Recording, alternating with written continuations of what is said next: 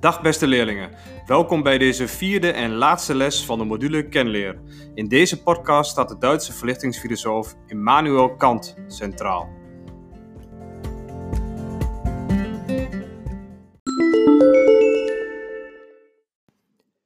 In de vorige les hebben we gezien dat David Hume als empirist het denken wantrouwde.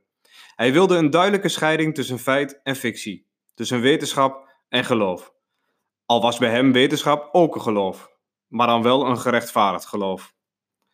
Primair was bij Hume de ervaring en secundair de ideeën. De ideeën werden dus gevormd op basis van de waarneming. En dat betekende dat het gevaar van subjectiviteit op de loer lag. Want ideeën staan op zichzelf niet objectief vast, maar worden gevormd op basis van de zintuigelijke waarneming. Daarom wees Hume substanties, of anders gezegd vaststaande objectieve ideeën, ook af. Zelfs een vaststaand idee als oorzaak en gevolg, causaliteit, was niet zeker, omdat het volgens Hume een idee is dat ontstaat vanuit gewoonte en behoefte. De Duitse filosoof Immanuel Kant werd door Hume uit zijn dogmatische slaap gewekt, een soort van slaaptoestand waarin alles zeker leek. Kant werd wakker. Kant ging in zijn boek Kritiek van de zuivere reden zich bezighouden met de manier waarop mensen kennis verkrijgen van de wereld. Kort samengevat, wat kan ik weten? Grootste probleem, hoe brengen we empirisme en rationalisme bij elkaar, zodat er een duidelijke scheiding ontstaat tussen dat wat we wel zeker kunnen weten en dat wat we niet zeker kunnen weten?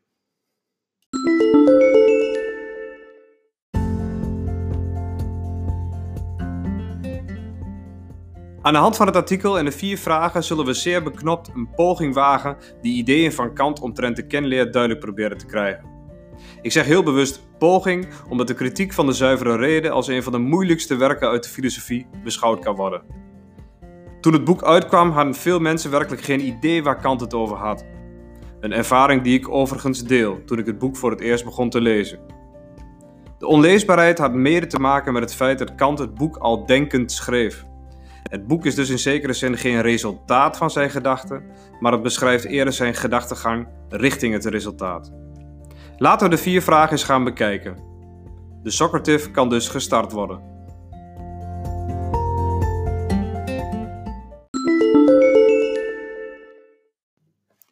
Vraag 1. Leg in je eigen woorden uit wat de Copernicaanse wending inhoudt.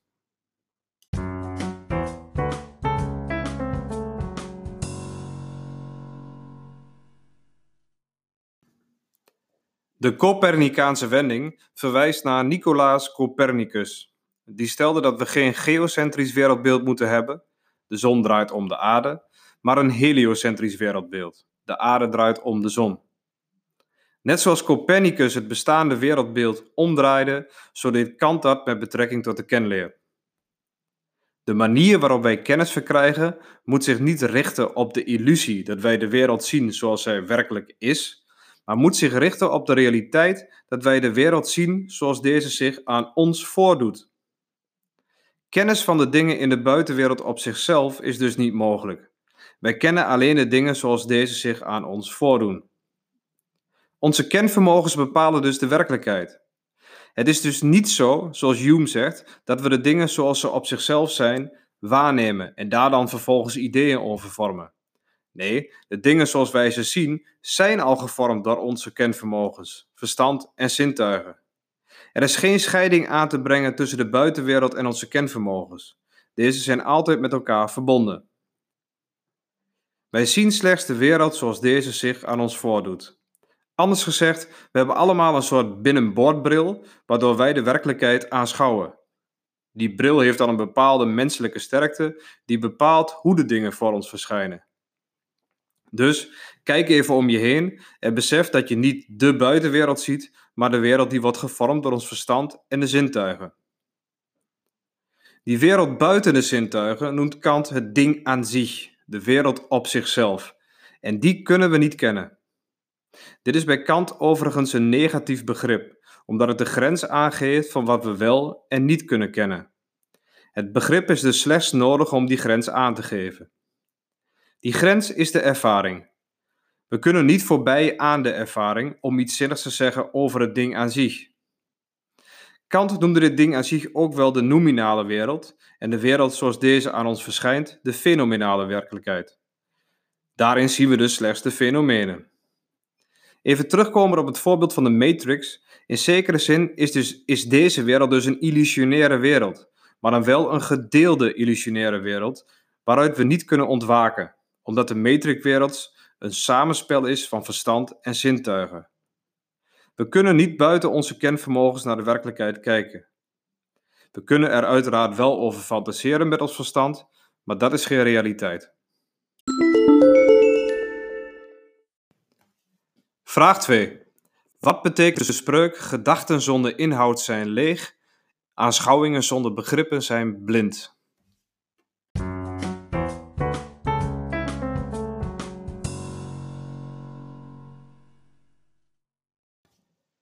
Kant probeerde erachter te komen wat de grenzen van het menselijk verstand zijn. In de titel Kritiek van de zuivere reden betekent het woordje kritiek beschouwing.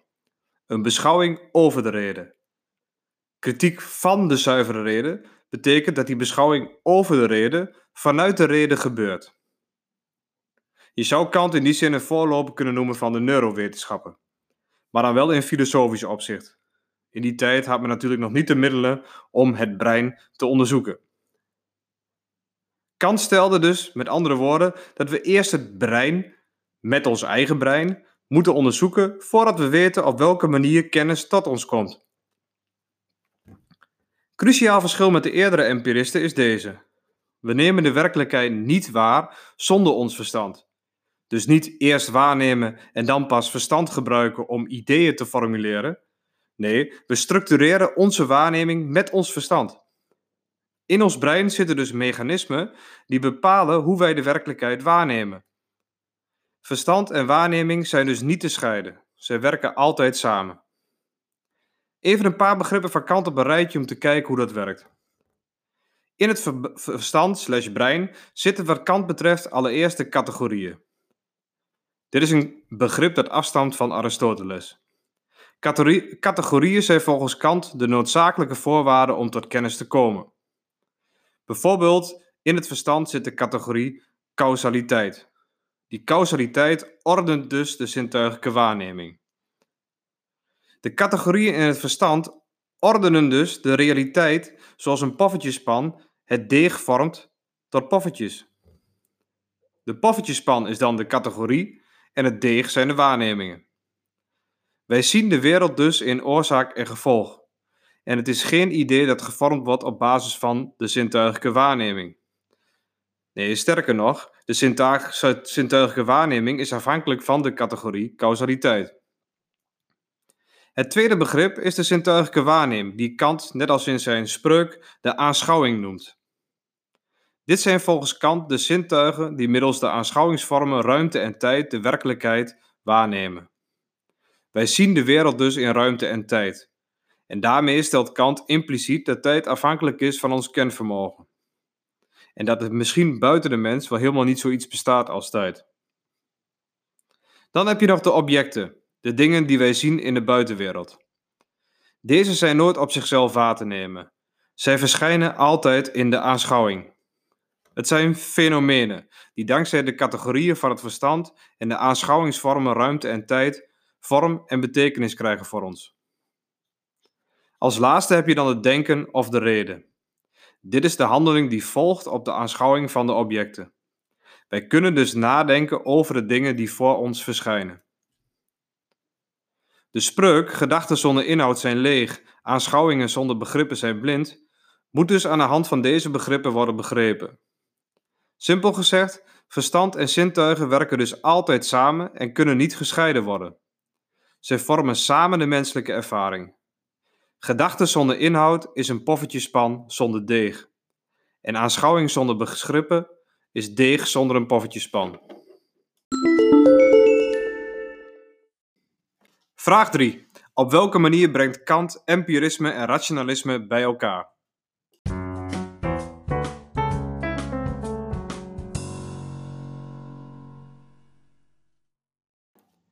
Die vraag is in feite al beantwoord, maar toch nog even een paar begrippen om het te verduidelijken. In lijn met het verstand en het rationalisme en de zintuigen en het empirisme zijn twee begrippenparen belangrijk. Als eerste a priori en a posteriori. A priori betekent voorafgaand aan de ervaring. Bij Kant zijn dit dus de categorieën zoals causaliteit. De poffertjespan dus.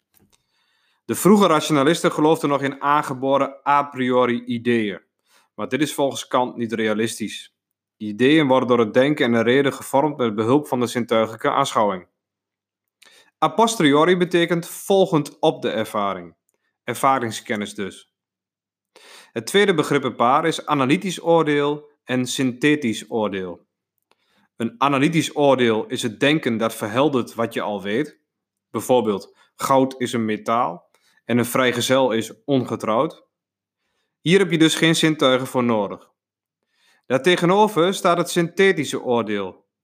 Dat zijn oordelen waar we onze zintuigen voor nodig hebben. Deze oordelen vermeerderen onze kennis. Bijvoorbeeld, Jan is ongetrouwd. Je wist van tevoren immers nog niet dat Jan ongetrouwd was. A priori en analytisch zijn begrippen die bij het rationalisme horen, omdat zij verbonden zijn met het verstand. A posteriori en synthetisch zijn begrippen die bij het empirisme horen, omdat zij verbonden zijn met de zintuigen. Hoe brengt Kant de twee begrippen nu samen?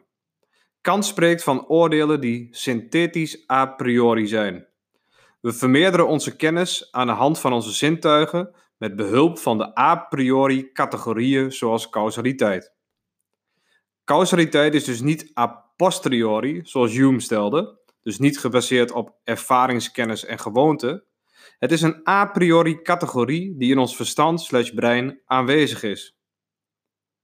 Met dit verstand kunnen we ons met behulp van de zintuigen richten op de buitenwereld om nieuwe kennis op te doen. Op deze manier zijn verstand en zintuigen dus allebei nodig om tot kennis te komen en zijn rationalisme en empirisme verenigd. Vraag 4. David Hume twijfelde aan de objectiviteit van het begrip causaliteit. En daarmee werd de objectiviteit van wetenschap aangetast. Wetenschap werd een justified true belief. Is die objectiviteit van de wetenschap met de gedachtegang van Kant hersteld?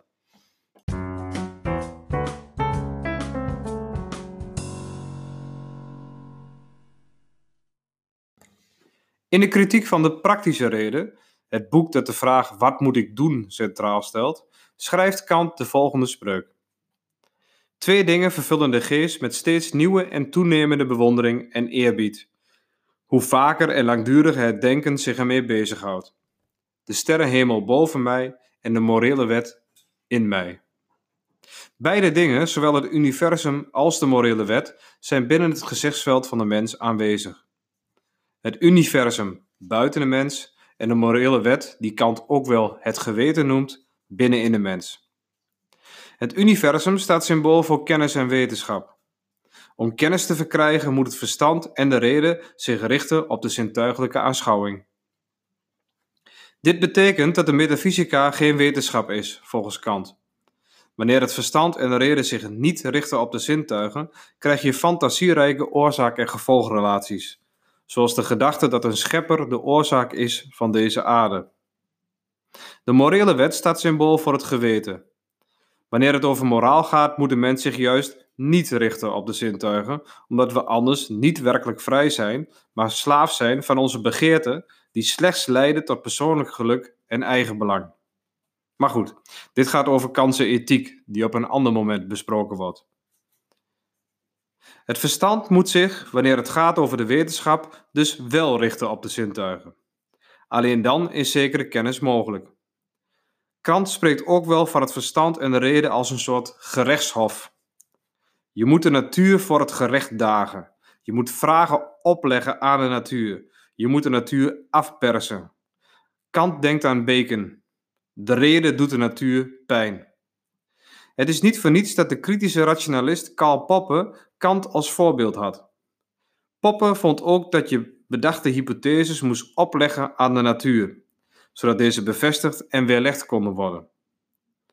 Het verstand richt zich dus op de zintuigelijk waarneembare natuur. En omdat het verstand een universeel kenvermogen is, dat bij alle mensen gelijk is, is de objectiviteit van de wetenschap gered.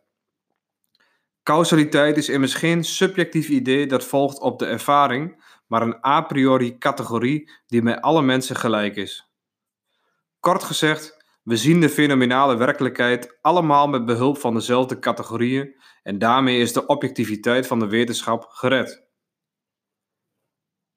Wetenschap is niet langer een gerechtvaardigd geloof, geloof, maar een objectief middel waarmee, zekerheid, waarmee we zekerheid verkrijgen over de fenomenale matrixwereld waarin wij ons bevinden.